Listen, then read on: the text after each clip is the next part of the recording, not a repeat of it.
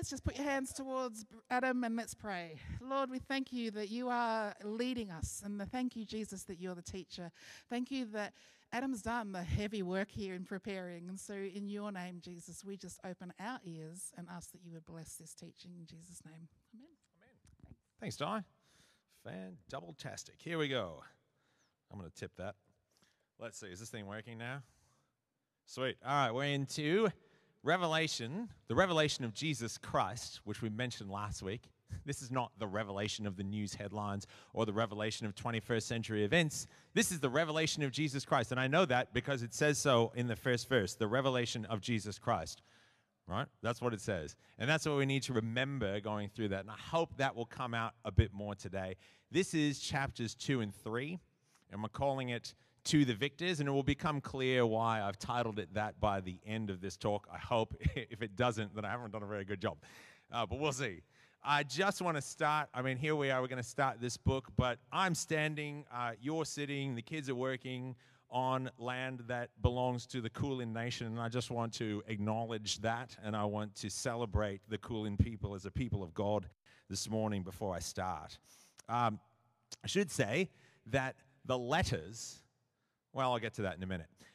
We can't possibly read all of these letters this morning, two chapters worth of Revelation. So I'm hoping maybe some of you have read it before you came today. Maybe you will read it later. I hope you'll read it later on this week or today, even if you haven't done so already. They're not particularly long, but we just don't have that kind of time.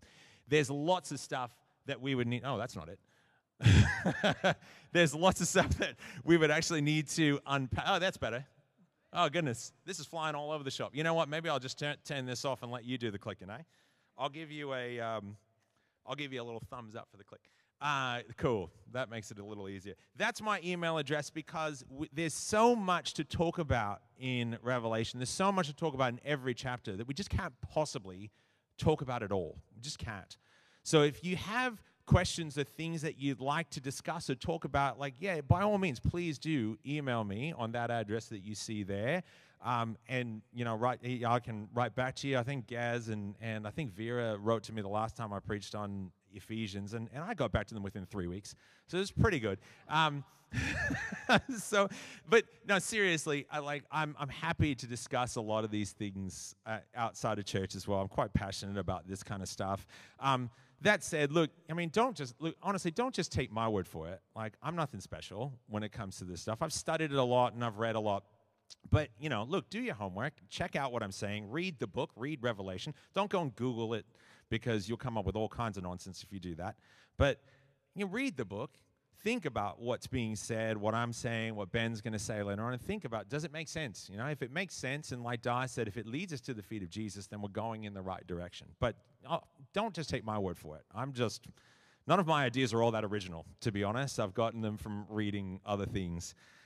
Uh, now, we're going to talk today about the letters section, which is probably my favorite my favorite section of Revelation. Now, I say that to people and they're like, What? This is your favorite section? That will become clear, I hope, by the end of this, because in the letters section is where we get the key to interpreting the rest of the book. It's where we get the message of the book. And honestly, without the letters section, we cannot hope to interpret this book correctly. Now, I love the letters section. I also love Jane Austen. This is not some like transparent sort of Mother's Day thing that I'm sliding in here. Although I really do love Mother's Day. I, mean, I love my mom. Like, my mom's brilliant. She's brilliant.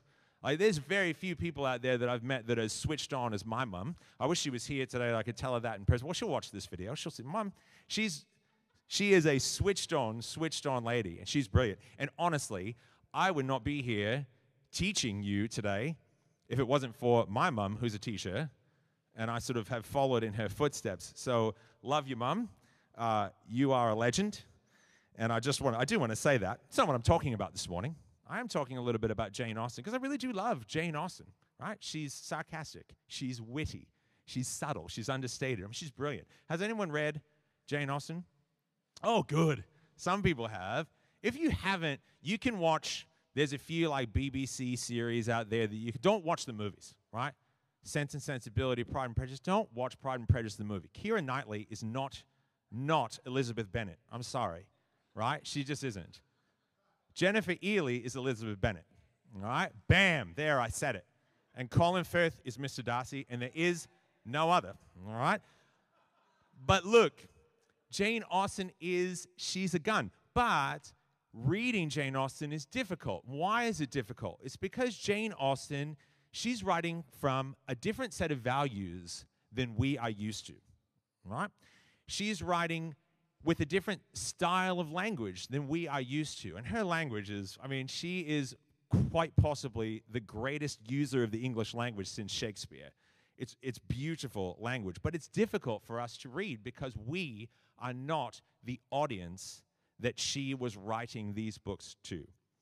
She was writing to high society Georgian England people. And she was writing to entertain them, yes, but also to sort of subtly criticize and take the mickey out of the society in which she lived.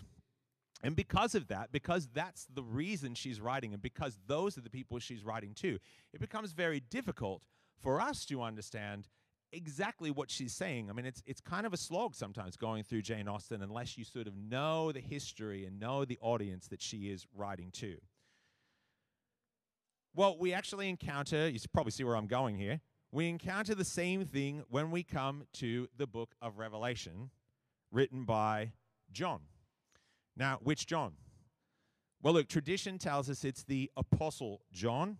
But look, here's a slide of my uh, high school class. That guy with the yellow arrow pointing to the top of his head, he's John. He didn't write it. Don't worry, it's not him. Uh, that other guy with the uh, with the arrow there pointing to him on the right hand side. By the way, I'm right up at the top if you want to see me. That's back in my younger days when I was spry and had the whole world in front of me. Uh, the two arrows are pointing to two Johns. They're both named John. And I guess the point is that pretty much everywhere you go, there's always one or two Johns around, aren't there? Well, it turns out that in the first century, it was pretty much the same. Yohanan or John was, the, was one of the most popular names among first century Jews.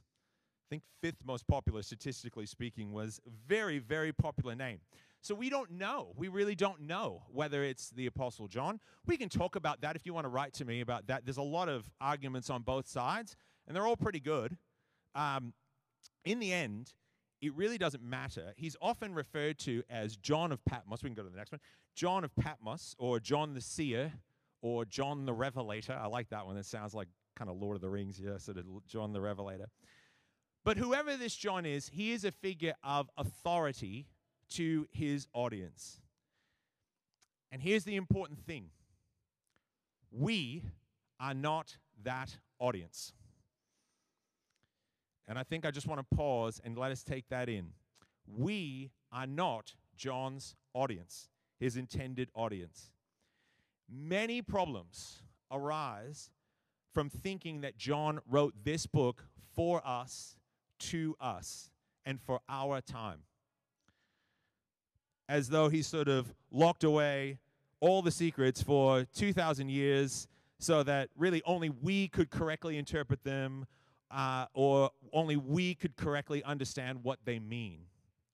That's from Raiders of the Lost Ark, that last one, by the way. Just thought I'd chuck that in there. A little pop culture for you. Look, I grew up with this idea that Revelation, hey, must be written directly to us. Right? When you believe that, it's easy to assume that everything you read in these pages can be found somewhere in the news headlines. Right? But we'll, that was not a weary sigh, by the way, that was just a pause. Um, but we'll read the book differently if we understand John's real audience. And his real audience was a network of churches in Asia Minor, which is modern, modern Turkey, probably writing at the end of the first century. And so we need to understand this audience to understand the book. There's a map of the seven churches there. And we'll learn about this audience and we'll learn about their circumstances today as we talk about seven short letters in which Jesus speaks to these seven church groups. Now, Revelation as a book is structured in cycles of seven. And the number seven just continually comes up. We've got seven churches, then we see seven seals and seven trumpets and seven bowls. There's all kinds of sevens all over Revelation. So, with that in mind, we really we shouldn't limit this book necessarily to just these seven churches as though they were the only ones that ever read it. For sure, this book would have been passed along to other church groups, at least in Asia Minor. We know of other churches in Hierapolis and, and Colossae and a few other places. Surely the letter would have been passed around to them as well, and they would have read it. And it would have been read aloud. I should note that. It would have been taken to these churches, these seven churches at least, and would have been read aloud there. If you noticed last week, we talked about chapter one. If you've read chapter one, there's a verse that says, Blessed is the one, or blessed is the one who reads this book. There's two things. There's the, what is it? Uh, anaginoskon, which is the one who reads this book aloud. And then there's the uh, which is the listeners. So there's two blessings.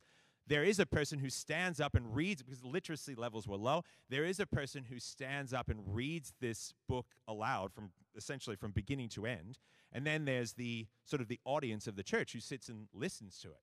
So in the first chapter, we see there's a blessing given to the reader, the actual reader aloud, and then there's a blessing given to those who hear, who listen to what he says. So this certainly would have been passed around to a number of different churches, most likely outside of these seven. But as we'll see today, these, let- these letters, in another way, really are very precise to the situation of these specific seven churches. And we'll get a sense of that today a little bit. There's a lot more I could say about that, so I'd encourage you to write to me uh, about it. Now, some people, how unfortunate is this? Some people like to actually, they just sort of overlook or bypass the letters section altogether. Right? Why do they do that? Because it's not the good stuff, right? It's not the good stuff of the book, the stuff we like. Uh, we want to get to all the weird images, you know, the four horsemen, the giant uh, bug like creatures with zappy tails, the scary monsters. We want to get to all that stuff, right? And so a lot of times people just kind of bypass the letter section altogether. But I want to say the letters are the key. As I said at the beginning, the letters are the key to interpreting the rest of the book. They help to explain a lot of what comes later. They give us the message of the book to the churches, and that's very important. The message of the book to the churches, which permeates the rest of the book. And we're going to see that message, I hope, very clearly this morning. Now, John introduces the letters section with a vision of the Son of Man. And it's in actually Romans, uh, sorry, Romans, wrong book, Revelation chapter 1. And if you have your Bibles or devices or whatever it is you keep your Bible on these days, Revelation chapter 1, and I'll start in verse 12. I'll just read a little bit of this to you so that we can read this vision together. John, writing this book, hears a voice. And this is what he says in, in verse 12 of chapter 1. Then I turned to see whose voice it was that spoke to me. And on turning, I saw seven golden lampstands. And in the midst of the lampstands, in the middle of the lampstands, I saw one like the Son of Man, clothed with a long robe and with a golden sash across his chest. His head and his hair were white as white wool, white as snow. His eyes were like a flame of fire. His feet were like burnished bronze, refined as in a furnace. And his voice was like a sound of many waters. In his right hand he held seven stars, and from his mouth came a sharp two edged sword, and his face was like the sun shining with full force. The revelation of Jesus Christ is the reason why we call it that. When I saw him, I fell at his feet as though dead. But he placed his right hand on me, saying, Do not be afraid. I am the first and the last and the living one.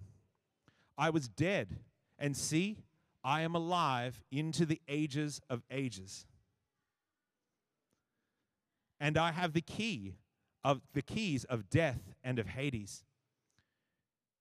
All right, we'll stop there. Oh, sorry, I should read on. Now write what you have seen, and what is, and what is to take place after this.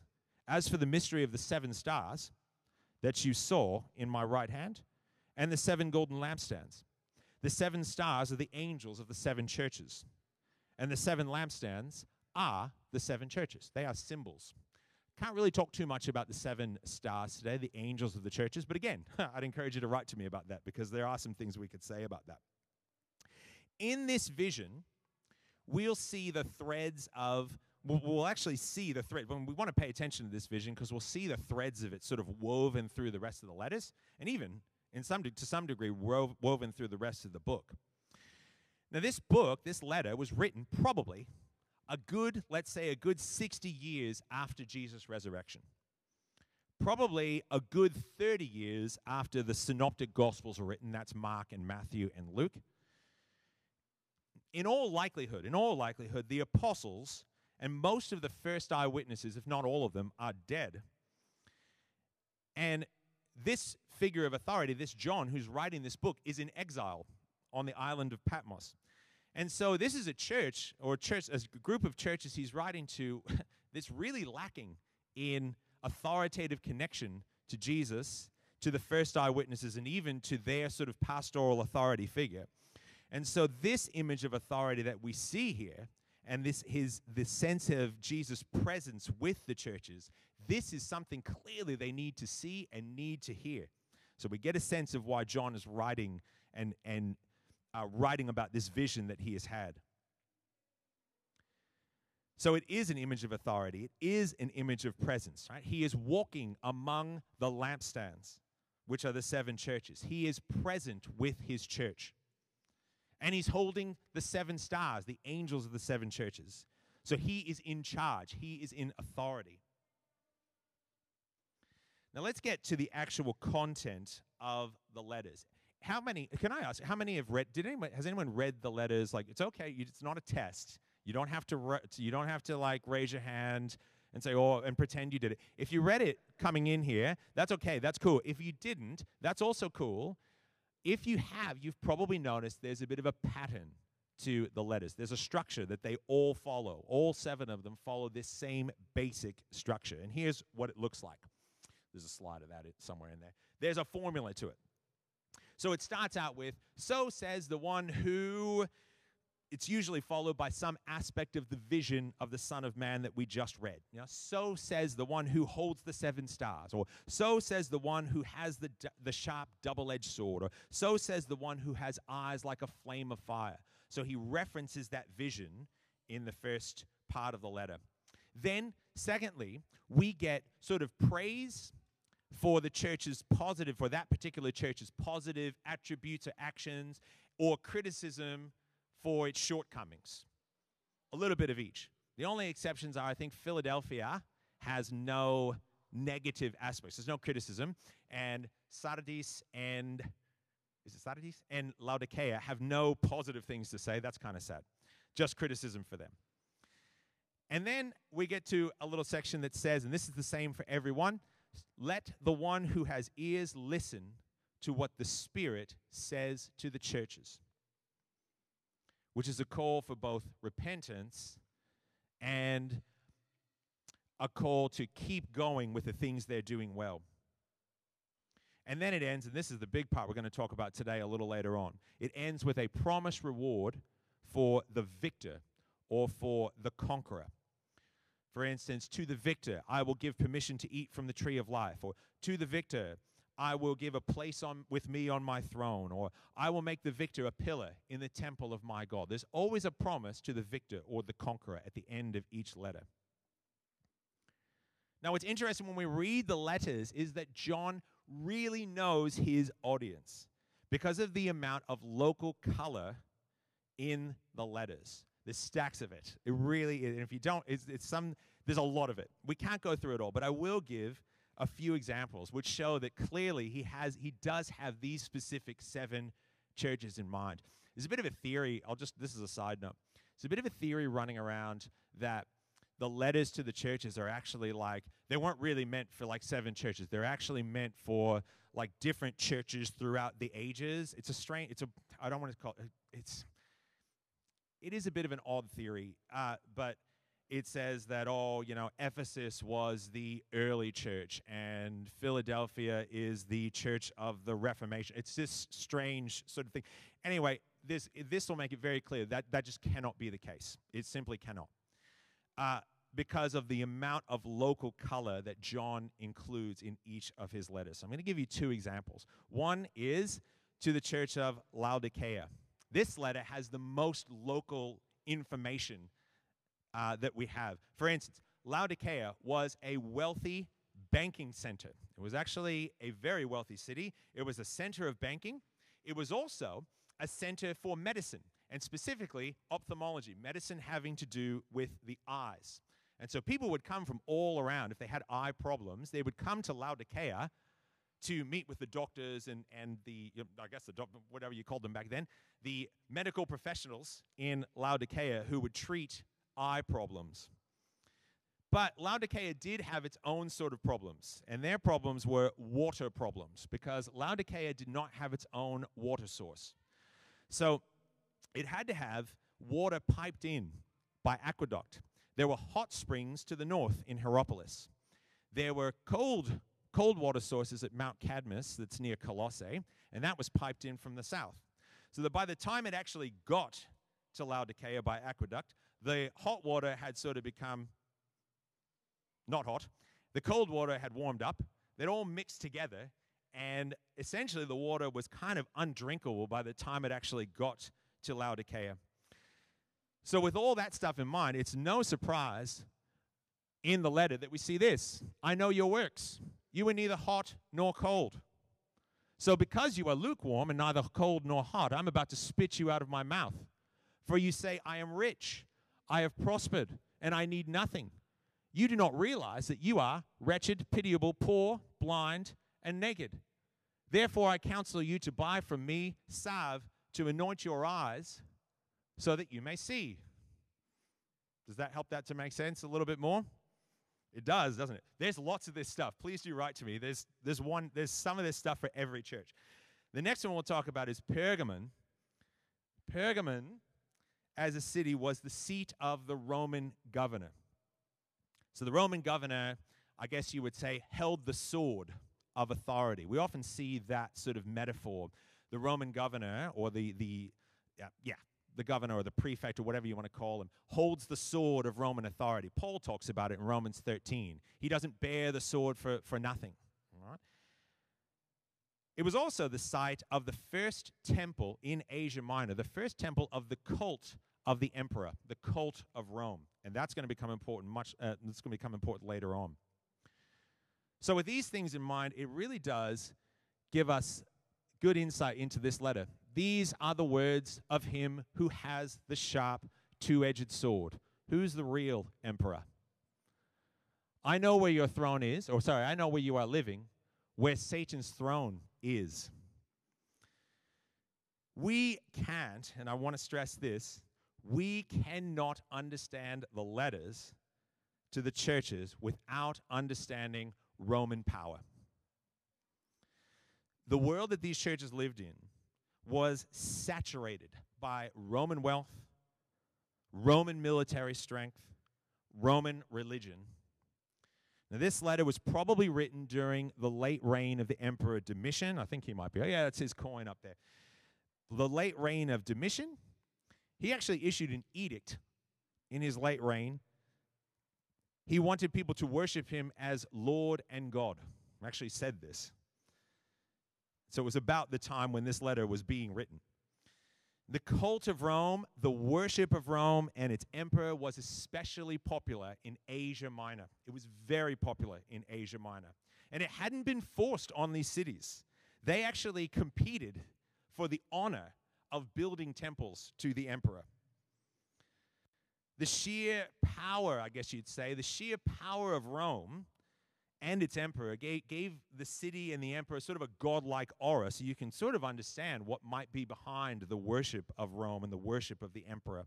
Good citizens of all of these cities were expected to participate in this, at least nominally, to worship Rome, to worship the emperor, which meant burning incense to it and saying prayers and things like that. It was a patriotic duty.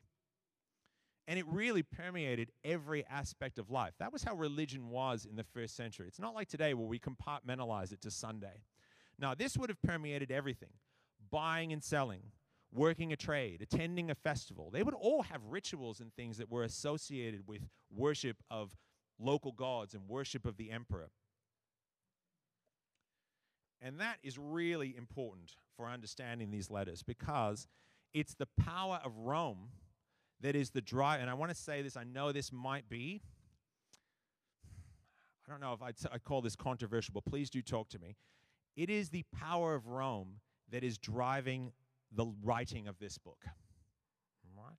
Roman power is the driving force behind the writing of Revelation. Because John expects his churches to resist the imperial cult, to refuse to participate in this worship of Rome and worship of the emperor. And he is anticipating a major persecution because of that refusal. But he's also certain that God will conquer Roman authority largely through the testimony of his people. And that's really what the seven letters are all about. They really are about that.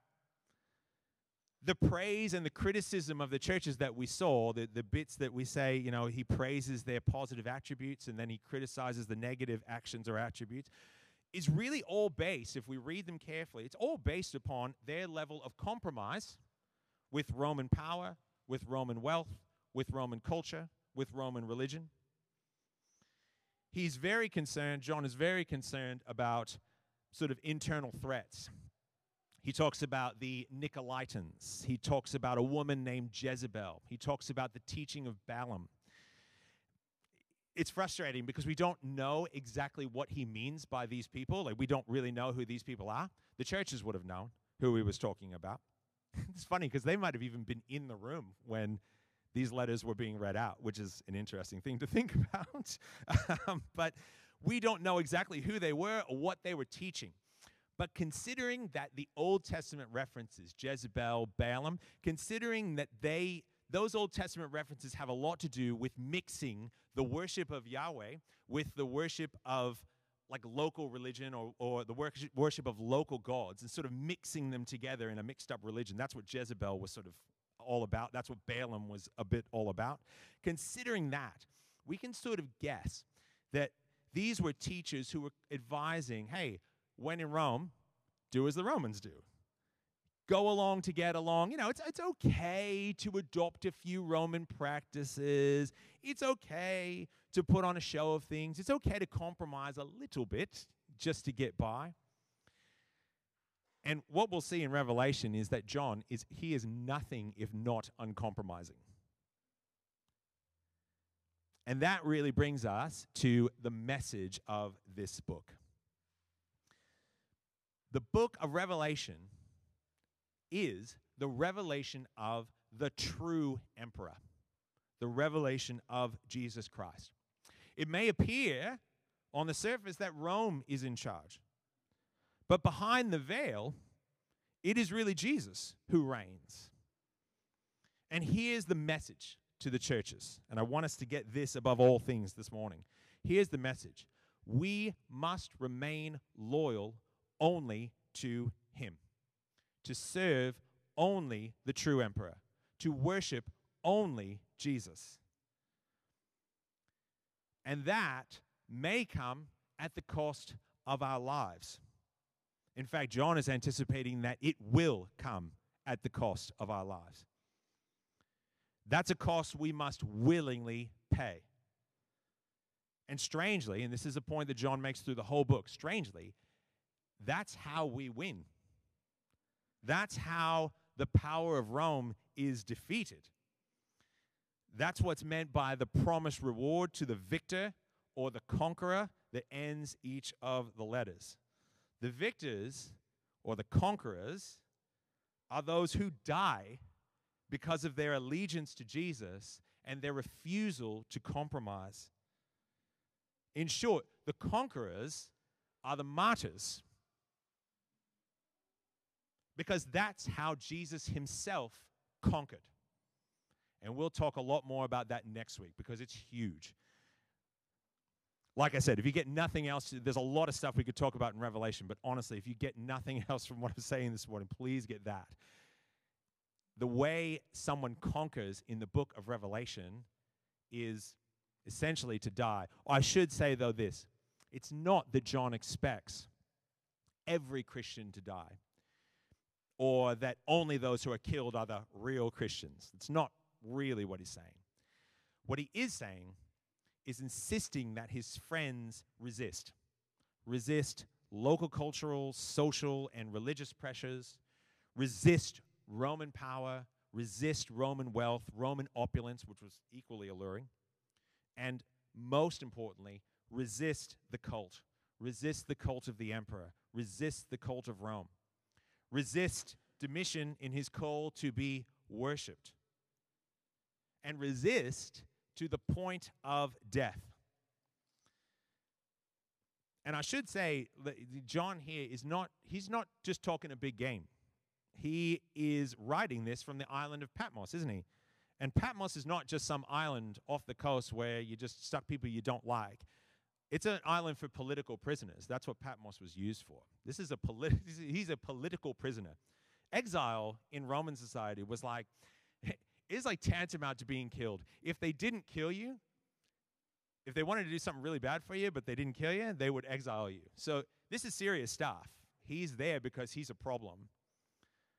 And he is suffering. He says this, right, in, in verse 9 of chapter 1 I, John, your brother, who share with you in Jesus the persecution and the kingdom and the patient endurance, was on the island called Patmos because of the word of God and the testimony of Jesus. And that's the point of this book. Jesus is the true emperor, and this is how we remain loyal to him. This is how we live. This is how we die with reverence to the true emperor. Now that sounds like sort of a downer, doesn't it? I see everybody's going, everybody's going flat. It is. It, it, it can come off that way, right? It can. And I, this is hard stuff. I mean, I'm not saying this. This is not easy. Like this is hard stuff. But I should say this book is. It's not just a, like a somber and depressing sermon about oh, get ready to. It's not just that. It's more than anything. It's a book of hope. It is a book of hope if you've ever, if anyone's ever, this is in my notes, if anyone's ever used Revelation to sort of scare you or to make you worried about things that might happen or oh, you want to avoid this, that's not what this is about. That's not what it's about at all. This is a book of hope. It's a book that, it's a book about the hope that God will act to vindicate his people. And there's plenty of that in this book. There's hope that God will call people to repentance, and there's plenty of that in this book. There's assurance, as we said, that the resistance of the martyrs achieves victory. And there's continuing strength from the presence and authority of Jesus himself. He walks in the middle of the lampstands, he is among the churches at all times. He holds the seven stars and he is the one who passed through death and out the other side. It's no accident that he starts the book by saying, I am he who was dead, and look, I am alive into the ages of ages. And I hold the keys to death and Hades. Hades is in hell, by the way. I'll just say, Hades is the place of the dead. It's not the same thing. But Jesus says, I hold the keys to those things. He is encouraging a group of people who are facing death for their allegiance to Him, to give them hope, to give them assurance. See, the book of Revelation is not a book about a cataclysmic world war with fire breathing tanks and Apache helicopters, uh, or about rivers turning to blood, or being poisoned by falling meteors, or about a smooth talking Antichrist and his false prophet. It's not. Sorry, I could I had I, I couldn't resist that one. I threw that one in there. I'm not saying Clive Palmer is Clive Palmer is not the Antichrist. The Antichrist would be far more clever. Um, no, it's not a book about any of those things. it's actually a far, far more challenging book than that. Far more challenging. The challenge that John puts to his audience is to be willing to die for their allegiance to Jesus, to face death for the true emperor, to persevere in the way, to resist the world even to the point of death. And when we understand this message to that audience, we can see actually that it's just as much of a challenge to us. The question I guess we need to ask ourselves is with whom does our allegiance lie in a world of you know, national, political, consumerist forces sort of all demanding that allegiance? You don't have to look too far to find these forces asking for your allegiance political parties, governments, right? companies selling products and asking you to be loyal to them. Right? We have all of these pressures, but who should our allegiance lie with? Who does it lie with? How loyal to Jesus are we prepared to be? And if our lives are required for that loyalty, will we give them? And will we give them willingly? Now that's hard. This is hard stuff. I'm not saying, like I said, I'm not saying this is easy. This is not easy. Revelation is a great book, not an easy book. So, what I want to do now is have a chance for us to sort of have a bit of a discussion to kind of process some of this stuff, because there's a lot of stuff here. I want us to sort of talk about okay, what might, what, what does our loyalty to Jesus look like in our culture um, at our moment of history? Like, what does it look? What should it look like now in our time? And and what are, I guess, the threats to that loyalty? Who is asking us to compromise? Right? And what does, you know, what are they asking us to do that compromises our allegiance or compromises our loyalty to Jesus? Real, real fun, easy questions to sort of talk about. Um, they're not easy. Uh, but I want us to, I want us to have a think about that. I, I would say well, this is a dangerous thing to ask. Did anybody have any questions, like burning questions that just sort of popped up? You just can't let go? Okay. Oh, yeah. Oh.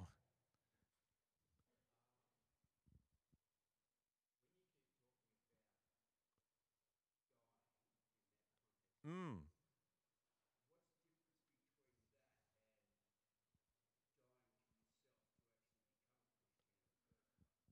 Ooh. That's not a soup question, is it? Um, mm-hmm.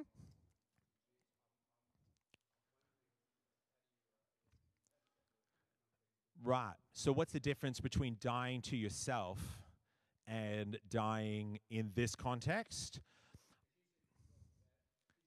This is physical death. This is abs- 100%. Yeah. I mean, the difference, the difference, I think, would be yes. I mean, I think all the New Testament writers, especially Paul, would talk about. He would talk about having been crucified with Christ, right? So that's really important. He would say, you know, I've been crucified with Christ. I'm already dead. I'm gone, and it's not me who's alive anymore, right? It's Christ who is living through me. But this, the difference is that this is like this is legit.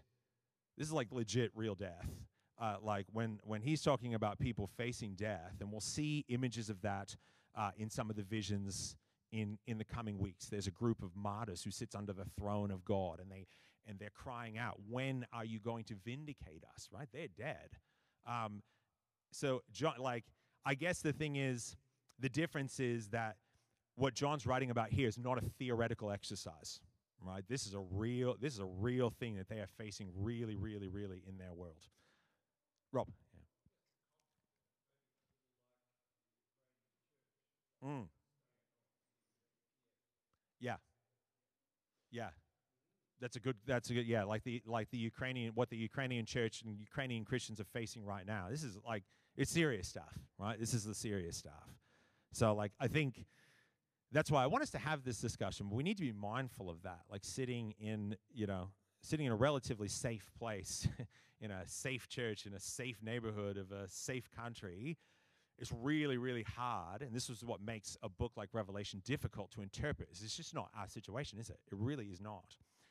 Uh, it's hard for us to understand the pressures and the danger that they would be facing mm, more or less at all times. They've already had a martyr. One of the letters that you can read talks about uh, a, a man named Antipas. He's been killed. He has he has been killed for. Jesus calls him his my servant Antipas. It's clear that he's he's clear that he's dead. Um, so this is something that it, it's it's very clear that he expects them to be facing like real death and real danger, and what they should do in response to that. So for us, I mean, it really is the message really is the same, even though. even though we don't live in the same circumstances, there's still things pulling for there's still things pulling for loyalty. There are still things pulling for allegiance. And how mm, how committed to that allegiance are do, uh, are we willing to be? Right? I, I do want us to talk about that because I think it's important. Steve. Hmm?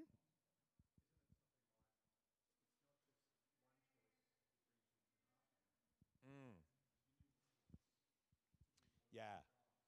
Yeah. Yeah.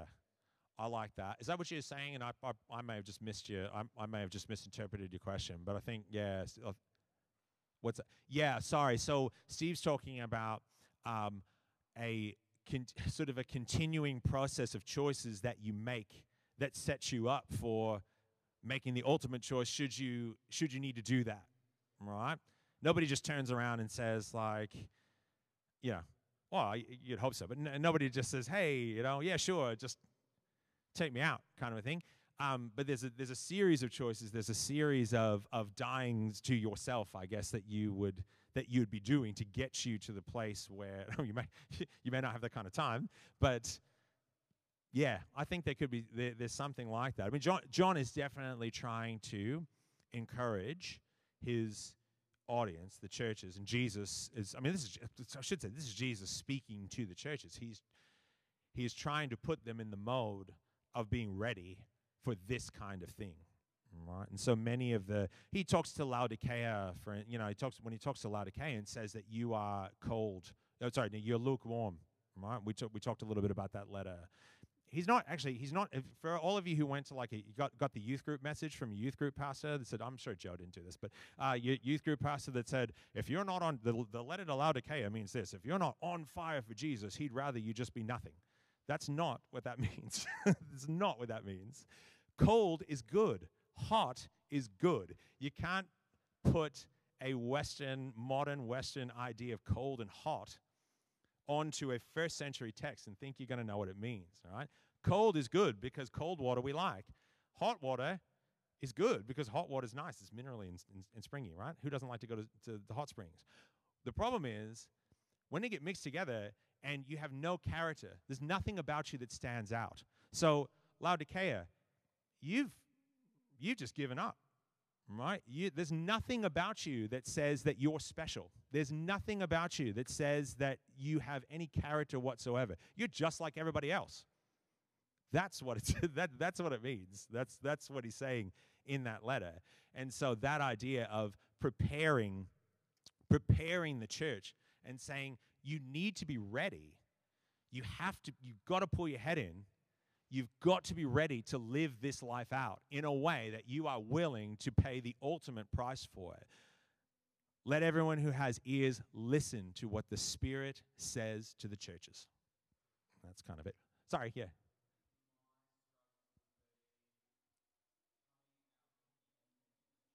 Mm.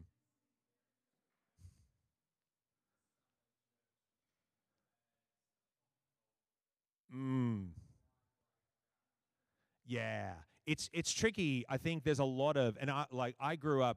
Um, I grew up in a very sort of what we say. Um, grew up Baptist, uh, and it was a very much. I don't want to use big fancy words. It was very much like a left behind theology church. Uh, and a left behind theology background. And so that's what I was sort of raised with. Good, I mean, well, like honestly, very well meaning people, like very well meaning people.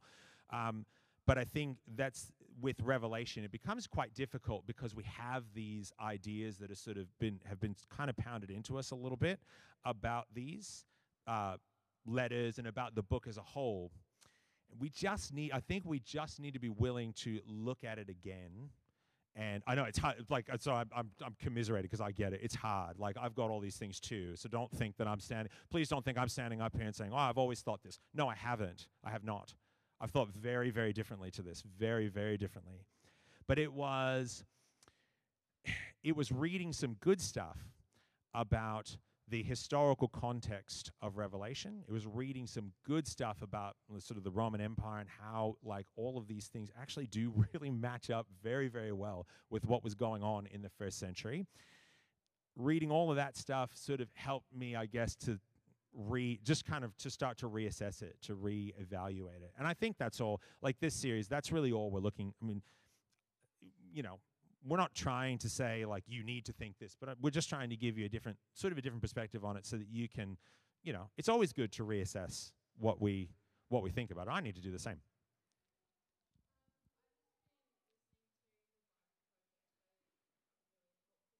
Mm.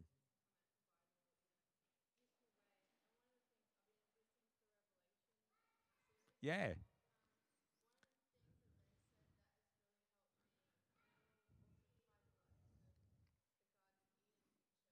Mm.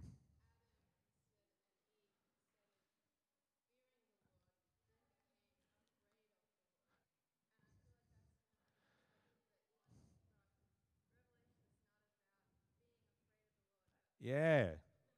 Good. Thanks, Annalise. That's excellent. That's that's spectacular. What's that? Yeah, I'll summarize. So Annalise is saying that she's been watching the Bible Project. Uh, was, were you listening to Darrell Johnson's series as well, or was it just the just the Bible Project one on on on Revelation. So comes comes recommended, um, and they're linking it to sort of the Adam and Eve story about um, when Adam and Eve uh, sin. Their, their initial response, or their, their automatic response, is a fear response, right? Fear of God, fear of the Lord. Um, and Annalise is saying, so I think that's what me i'm trying to get you to sort of think about with respect to this book. Because a lot of times it's true. With with respect to this book we can often look at the pictures of god and think oh scary. He's you know casting down plagues on everybody. I'll give you a little hint. When we get to the later version the, the later chapters of this book and we start talking about like the sort of the plagues they're very symbolic number one. And number two there's always a it always ends with, but the people did not repent and give away, essentially, they did not repent for what they were doing and the worship of other gods. That's what it was. So, all of the things, all of those little plagues that we see, they're all calls to repentance. He's trying to get people to see the truth. It's not like I'm destroying you. So, this is not a fearful book. It's not a book where we go, oh no, scary God. I don't want to, like, I want to make sure that I'm a Christian so that I get raptured and said, no, no, no, no, no, no, no, no. That's not what it is. It's a hopeful book. It is a much, much more hopeful book than it often gets credit for. Um, so I hope you're hearing me on that. I hope I hope that's kind of coming through. We, we don't want people, we definitely don't want people to be scared of this book because it's so beautiful and it's so rich and there's so much good stuff in it. It really is. It's beautiful. It is a beautiful picture of Jesus Christ. It really is. Um, and I hope if we get nothing else, I hope we just get that. Look, um, do we have time for just a quick, like, little powwow in groups? Or do you want to close it up there, or what would you like? Um, yeah, yeah, that's fine. Yeah. Oh, I was just going. I was going to put them on the screen, but I, I haven't got them. I haven't got them. I forgot to put the slide in. We're just aware it's Mother's Day, so eh, we we are going to break up into groups as Adam instructs us and leads us into that because this is really good stuff, right? It's really good. But if you do need to go off to to celebrate with your family or whatever's going on, please feel free. That's okay to do that. And also, I'm just aware, as Adam's been speaking and some of our responses as well, there might be some of you that right now you're saying, Can I just get some prayer about whether it's the fear stuff that you're just recognizing, Oh, I had all that. I don't want to take that with me through this series. And so we're going to have just a little space over here for a couple of people to come and pray with you as well, if that's one thing. Yeah, and the other. Used to be that person. Yeah, we've all had to move through some of that and just let that stuff go so that this series will be clearer. So that's one thing. And the other thing is, I just felt like there was some physical healing. My eyes are really sore. This book's very much about eyes and seeing well.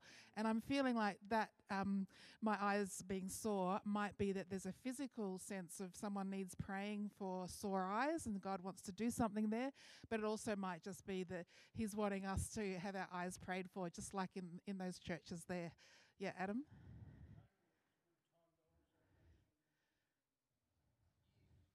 And ears? That's right. So we're just, if, if you've got ears or eyes problems, or e- physically, or even you're feeling like you'd like them to be prayed for, I'm going to go over there with Adam in a moment, and he's going to instruct us to go into groups. And then as we finish up here, be blessed if you need to go as well. Yeah, that's fine. I, I think that's great. I, I'm happy to pray for people over here. I like that idea. Um, and if you do need to go, please do. If you want to just sort of get like sort of gather with the people around you and just, you know what, I was going to give you a whole bunch of discussion questions. That sounds too teacherly. Just um, think, pair share. Um, I, all the teachers love that. Uh, but if you just want to sort of group up and just like just discuss how you feeling about all this, like just uh, as a chance to kind of process, that's awesome. Um, and I'll wait up here for anybody who wants to have a prayer and uh, I'll say goodbye to everyone who wants to uh, go off and have a wonderful Mother's Day lunch. So I hope you have a good one. I hope all the mothers out there are blessed this morning.